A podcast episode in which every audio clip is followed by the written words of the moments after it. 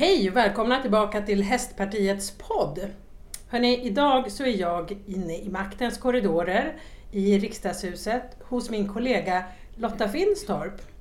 Och Lotta Finstorp, hon är ju inte bara riksdagsledamot utan eh, framförallt varför jag pratar med henne idag är ju för att hon också är ju en fena på det här med dressyr.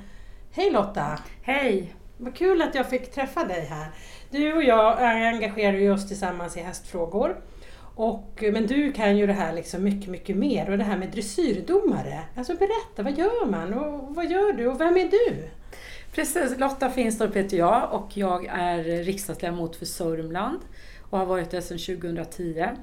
Och jag har dömt dressyr ända sedan, eh, ja, jag tror jag började min första dressyrdomarutbildning på 80-talet för Hans Helge Rasmusson som var väldigt eh, eh mycket känd inom dressyrkretsar och så. Sen har jag gått för olika dressyrutbildare liksom under många, många år och idag är jag intermediär 1-domare som är precis under Grand Prix. Då. Så det är liksom näst högst eh, mm. man kan bli? Ja, precis. Men det är ju hur fränt som helst. ja, det är väldigt skönt som, som riksdagsledamot att ha någonting annat som är helt, eh, eller ganska politiskt fritt i alla fall. Mm. Ehm, man är bara hästvän mm. när man är ute på tävling och jag tror att det är väldigt få som tänker på att jag är politiker överhuvudtaget. Mm. Men när man, alltså, har du tävlat i dressyr själv innan du blev domare? Mm. Jag har tävlat eh, ganska högt upp i klasserna innan jag blev, eller samtidigt som jag gick mina domarutbildningar. Mm. Eh, idag dömer jag bara, det går liksom inte att få ihop livet eh, så. Eh, att ha häst och så. Men eh, nej, så att jag, det, var, det är ju en förutsättning för att man ska kunna vara domare att man har dömt på den nivån man, man är domare i. Eh, det finns olika kriterier för vad man ska ha ridit för någonting för att kunna gå in i en utbildning. Det, det, är mycket mer, idag är det otroligt strukturerat så det var det inte riktigt när jag började på 80-talet utan då var det mer av intresse, vilka vill liksom. Mm. Så. Sen har jag varit domarutbildare också i Sörmland under ett antal år och utbildat domare på lätt A-nivå. Mm. Mm. Hur många snäpp ovanför måste man vara för att utbilda dem under sig? Finns det någon sån regel? Ja, alltså domarutbildare tas ju ofta från eh, jag, jag, tror idag att de som är domarutbildare är Grand Prix-domare eh, samtliga, tror jag. Någon kanske är intermediate-domare och då utbildar man kanske lätt A medelsvårdomare eh, om man ligger på intermediär 1 som jag gör. Mm. Mm. Så att eh, för att kunna undervisa eh, så, så behöver man ju kunna mer än eleverna. Liksom. Precis. Men när man är där på tävlingen och man ska döma, vad är det liksom, vad packar du i väskan med dig? Först och främst så gäller det att vara utvilad. Jag skulle aldrig liksom vara på fest sent en kväll innan jag ska döma. Mm. Men det, det är också rekommendationer man har från förbundet. Eh, så. Sen finns det säkert de som klarar av att vara uppe sent och ändå döma bra. Men eh, utifrån mitt perspektiv så vill jag vara eh, mitt bästa jag när jag sätter mig och tittar och dömer. Och då fattar man ju ungefär 25 beslut på fem och en halv minut. Oj. Och det är lite lika som att vara riksdagsledamot kan man ja. säga. Att kunna fatta beslut ganska snabbt sådär. Ehm, och då måste man ju ha fullt fokus på det man gör. Det går ju inte att sitta och fippla på telefonen eller någonting sånt utan ryttaren måste veta och måste också få mitt fulla förtroende, liksom min fulla uppmärksamhet mm. i det som personen gör. Ehm, det är ju en bedömningssport. Och eh, det är därför vi oftast är tre domare. Därför att sanningen ligger ofta någonstans mitt emellan. Mm. Vi sitter ju från, på olika vinklar också. Så att eh, någon som ser, om man sitter på långsidan på, på banan så ser man ju helt annat perspektiv på rörelserna mm. än den som sitter vid C, mitt ja, fram. Så att fler och fler tävlingar nu så sitter vi två på kortsidan och en på långsidan. För att få bästa möjliga bedömning för ryttaren. Mm. Det är jättesmart. Mm. Mm. mm. Men om man nu är tre domare, eh, det är ju alltid någon som är överdomare. Mm, men inte utav dem då. Eh, alltså det finns en överdomare som är överdomare för hela tävlingen. Ja, just det. Sen några år tillbaka. Av er tre. Nej, men den som sitter vid C, mm. den som man rider upp och säger goddag och adjö till. Mm. Den är liksom huvuddomare i klassen. Så att om vi säger att det är så här att någon har gjort, ridit fel mot fel bokstav fast det kanske inte påverkar riktigt programmet så, så man blåser inte av. Mm. Då blir det alltid så att den som sitter C springer ut efter ritten då till, till de andra två och säger här sätter vi minus två för att den red sig och så. Det, kanske vi, det har ju vi andra sett också men Mm. det är alltid den domaren som gör det. Eller blåser ut om det kommer in en häst som är oren. Mm. Då är det C-domaren som blåser och säger det är bäst att du lämnar banan därför att vi ser att din häst inte går rent. Mm. Så den, man är huvuddomare och det där det sätter arrangörerna sätter in oss på vilka bokstäver vi ska sitta. Mm. Så det det- väljer man inte själv? Nej, och det brukar vara så att den som har högst disciplin, om jag dömer ihop med en Grand Prix-domare så blir den domare C. Ja, just det. Så. Mm. Men jag sitter ju också jättemånga gånger domare C. Man ser ju bäst på Ja. C. Så det är ganska bra, man vill gärna Ja. ha C-domare. Det ryktas ju när man är är på tävling, åh nej, det är den domaren, eller åh bra, det är den domaren, den dömer snällt eller den dömer strängt och så vidare. Vad säger ryktet om dig? det vet jag inte. Jag, jag tror att... eh, ehm, så här, jag, jag vet att jag är ganska populär men det tror jag inte har att göra med kanske... Alltså jag har så extremt många förfrågningar Mm. från, från klubbar i hela Sverige. Men jag vet inte om det har att göra med att jag är dömer snällt. Jag ligger ibland lite högre än de andra men det behöver ju inte vara att den som är högst har mest rätt. Nej. Det kan ju faktiskt vara så att den som är lägst har mest rätt. Mm. Och det där tycker, jag tycker ändå att man har hört i högre klasser så är det sällan tror jag att ryttarna säger så. Äh, det går inte att rida för den. Jag tror att vi är mer jämna. Framförallt är det ju så att i lägre klasser så är det ju ofta bara en domare. Mm. Då blir ju ryttaren väldigt hänvisad till den bedömningen. Mm. Medan man på hö- i högre klasser är tre. Och då, då hör man aldrig det där riktigt därför att det ena tar ju ut, an, vi tar ju ut varandra liksom. Mm. Vi tre. Så att, eh, Eller så vågar de inte riktigt säga det till er då. det, jag vet inte, det kan ju vara så, så också men eh, ja. Mm. Ja, vad intressant. Men du var ju också tidigare dressyrkommitténs ordförande. Vad är dressyrkommittén och vad gör man som ordförande där? Mm. Det är så att eh, Svenska Ridsportförbundet har eh, grenkommittéer. Det finns för hoppning, för fälttävlan och för dressyr. Eh, Och då, då är det en kommitté som är mm, ska jag säga, lite rådgivande till tävlingskommittén. Mhm. Som ligger liksom över då som ett paraply. Och jag var ordförande i dressyrkommittén mellan eh, 2012 och 2016, mellan OS i London och OS i Rio.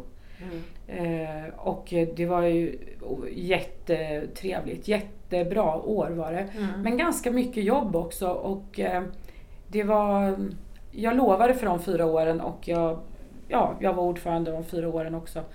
Man eh, får ju en inblick i eh, reglementet till exempel, tävlingsreglementet för, för dressyren på ett helt annat sätt eh, och i diskussion i en kommitté mot när man kommer till en tävlingsplats, man sätter sig och dömer. Det finns en överdomare som liksom har koll på det där och jag dömer det jag ser.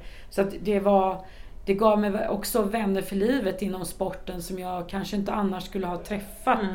lika mycket i alla fall. Då. Så att det var bra år. Mm. Vad häftigt. Men du, eh, London och Rio OS, var du på någon av de OS? Nej, det var jag inte Nej. faktiskt. Inte jag heller. Men det hade ju varit fränt. Det hade varit jättefränt. Det är väl en dröm sådär att kunna åka Ja, till OS. ja. Som domare? Ja, det vore väl fantastiskt! Verkligen! Ja. Ja. ja, vi håller tummarna för det. Ja. Men nu, eh, apropå tävlingar, så är det ju inte så mycket tävlingar. Det senaste beslutet är ju att det inte ska vara några tävlingar eh, fram till ehm, 30 juni tror jag, de här vanliga tävlingarna så att säga. De på högre elit eh, där man eh, tävlar för sitt uppehälle så, så har jag förstått att man kan visst ha en del tävlingar men ma- man stänger ju ner ganska mycket. Men 30 juni, det känns ju ändå väldigt långt bort. Vad tänker du om det? Alltså, det, känns långt bort. Samtidigt så har vi en dödlig pandemi i, i samhället. Så. Eh, sen tycker jag att det blir väldigt generellt liksom. Eh, eh, pandemi, alltså, ni, om det var 50 personer på läktaren på en dressyrtävling skulle man ju jubla. Mm. Alltså vi är utomhus, man håller avstånd därför att man har en häst med sig i allmänhet. Mm.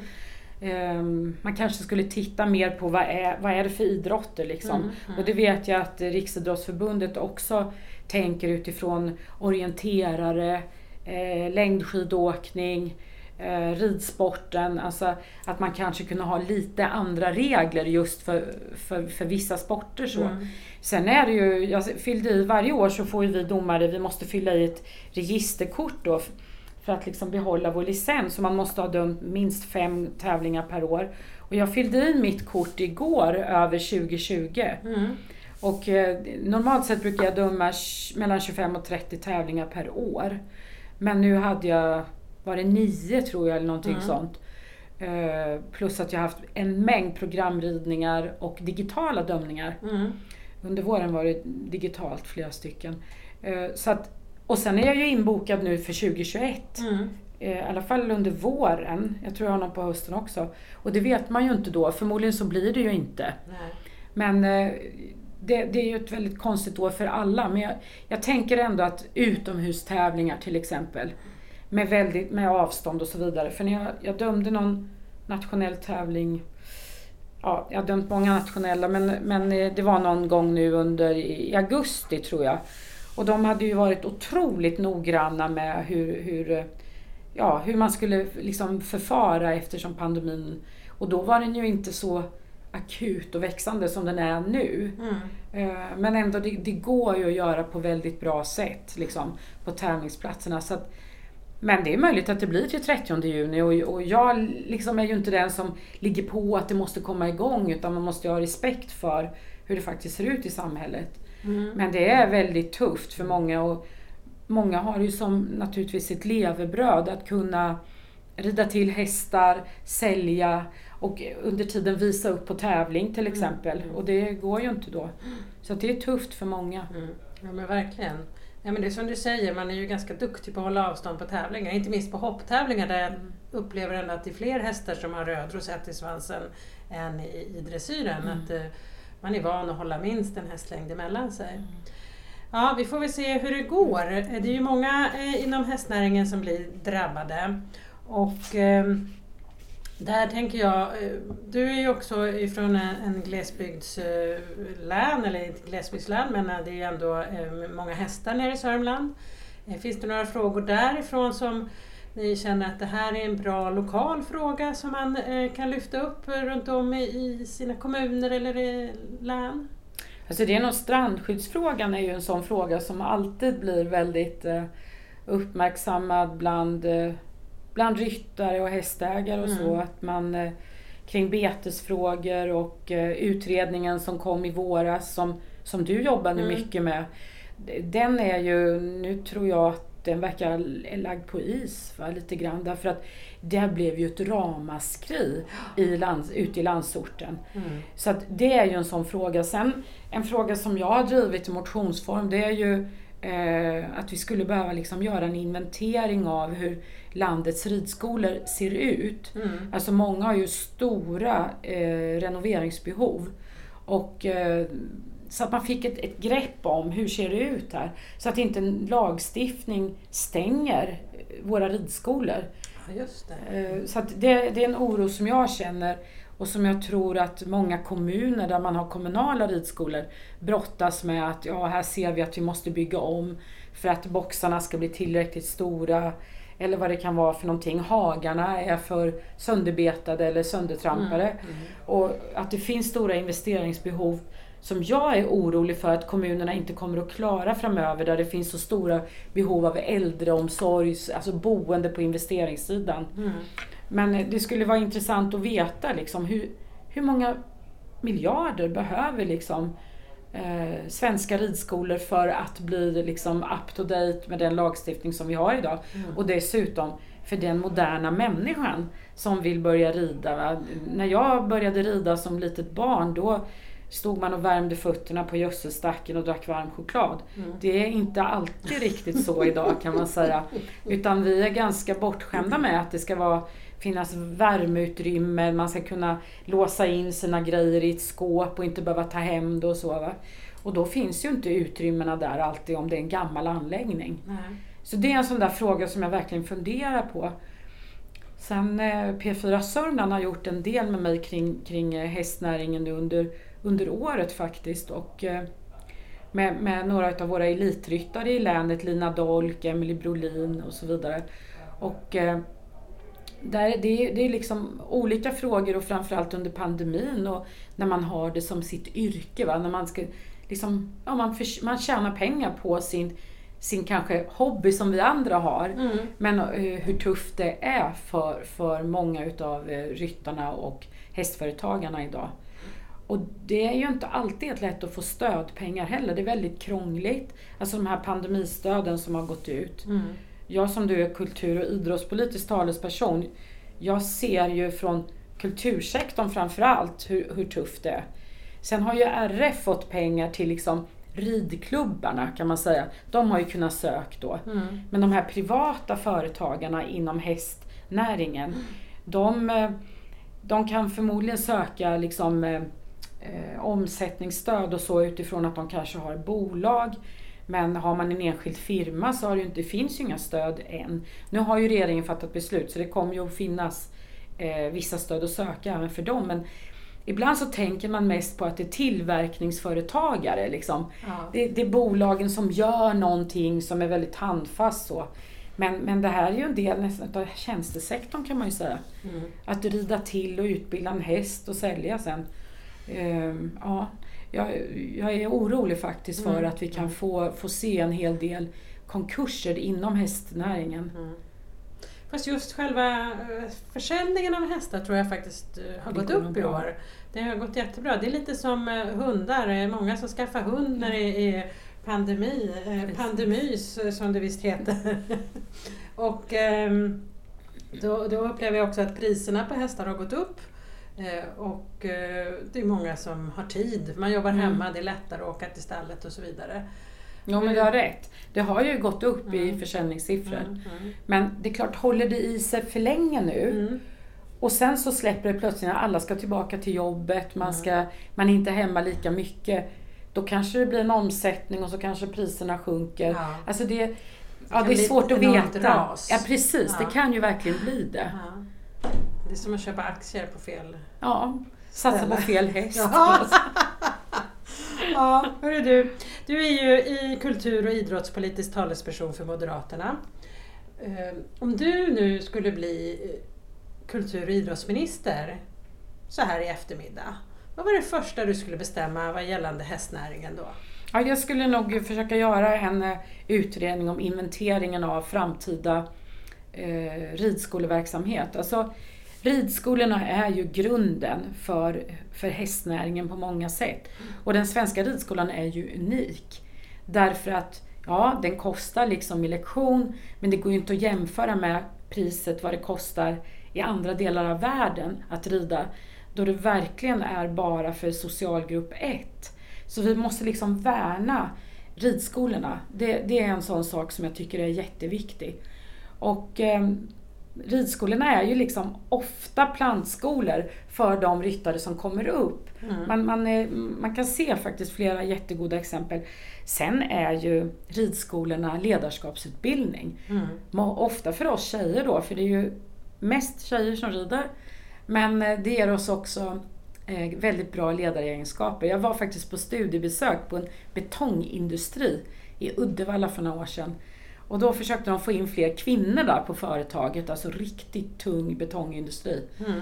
De tittade om det var tjejer som sökte jobb, om de hade hållit på med hästar. Därför att då kan man också vara arbetsledare, därför att vi leder ju dessa stora vackra djur. Mm. Det är ju vi som ska vara ledaren för dem. Och då blir vi också bra ledare i arbetslivet. Mm. Så att, eh, och jag vet att det finns ridskolor Älmhult till exempel har ju haft otroligt bra ledarskapsutbildning på ridskolan. Jaha. Ja, så det, det, här, det, det, är också en sån här sak som jag skulle vilja lyfta vidare. Mm. Sen är ju ridning och hästar och hästnäringen har ju sin, sin egen, vad ska jag säga, sin egen art och sitt eget värde. Men det är också en fantastisk brobyggare mellan människor. Mm.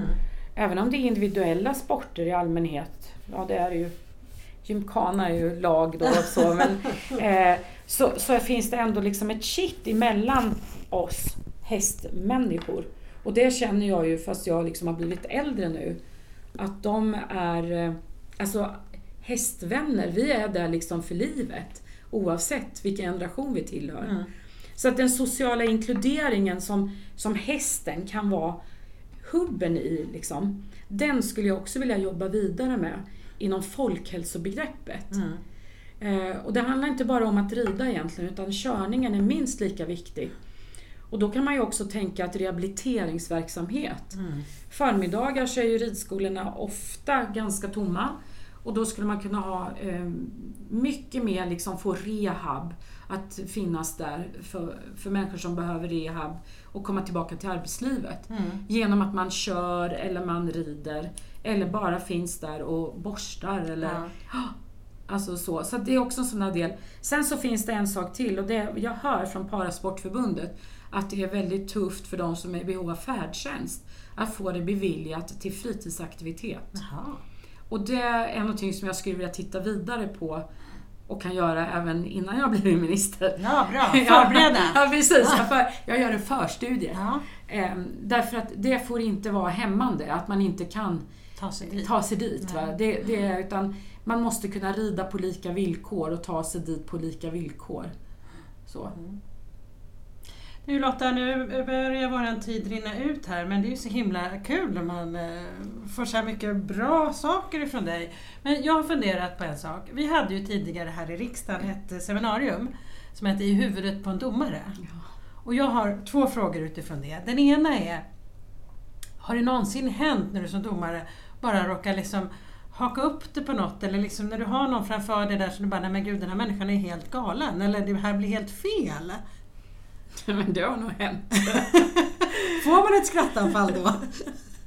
nej, nej, nej, man måste vara väldigt seriös sådär. Ja. Men det var nog när jag dömde på lägre nivå tidigare, sådär, va, för ett antal år sedan. Mm. Då, då kunde det ju liksom...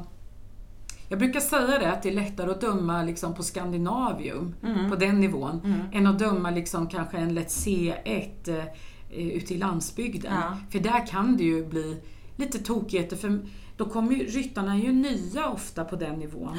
Och det är klart att det kan hända jättekonstiga saker. Liksom. Absolut. Och då gäller det att man inte har varit för länge på fest på kvällen. Så att man verkligen ser och kan hantera och kanske kliva ner från domarbordet och liksom gå fram och prata med ryttaren och hjälpa till. Jag vet, jag har sprungit ibland och visat vägen för ibland om någon rider fel och så blir det fel igen liksom. Och då, då, kan, du, då kan jag ju tänka så här, ja, men jag förklarar nog inte helt rätt. Nej. Då får man hoppa ner där och sen så har jag sprungit vägen liksom. För att de ska se. Så att man måste vara en god pedagog men också en god psykolog tror jag. Ja. Jag tror att det finns uppslag till ett helt nytt program med anekdoter från dina tävlingar. Det är jag kommer. Ja, det andra är då i huvudet på en domare. Eh, Vad skulle du vilja skicka med en ung tjej som nu tänker sig jag vill nog börja tävla dressyr? Vad är det absolut viktigaste? Ödmjukhet. Mm. Ödmjukhet både mot hästen Mm. framförallt, men också mot sin förhoppningsvis tränare. Jag hoppas verkligen att alla rider för en tränare. Eh, Men också en ödmjukhet i att man inte får vara för sträng mot sig själv. Mm. Man är ju ny och man måste ju få vara ny. Och den glädje som det kan vara att den här gången när jag tävlar så fick jag tre poäng mer än vad jag fick förra gången. Mm. Alltså, och inte titta så mycket på vad andra presterar utan att vara nöjd med det man gör och man ser att man själv gör framsteg. Mm. Så ödmjukhet är väl det. Uh, jättebra. Nu Lotta, stort tack för idag och vi syns ju igen och vi kommer spela in flera poddar. Men eh, alla ni som lyssnar, man får ju höra av sig till oss om det är när man har några funderingar. alexandra.anstrell.riksdagen.se kan ni nå mig på. Och vill man ställa några smarta, kloka frågor till Lotta vad gäller allt möjligt så finns hon på lotta.finstorp.riksdagen.se. Då får vi önska er en god jul och ett gott nytt år, eller hur? Absolut. Bra, hej! Ja, hej då!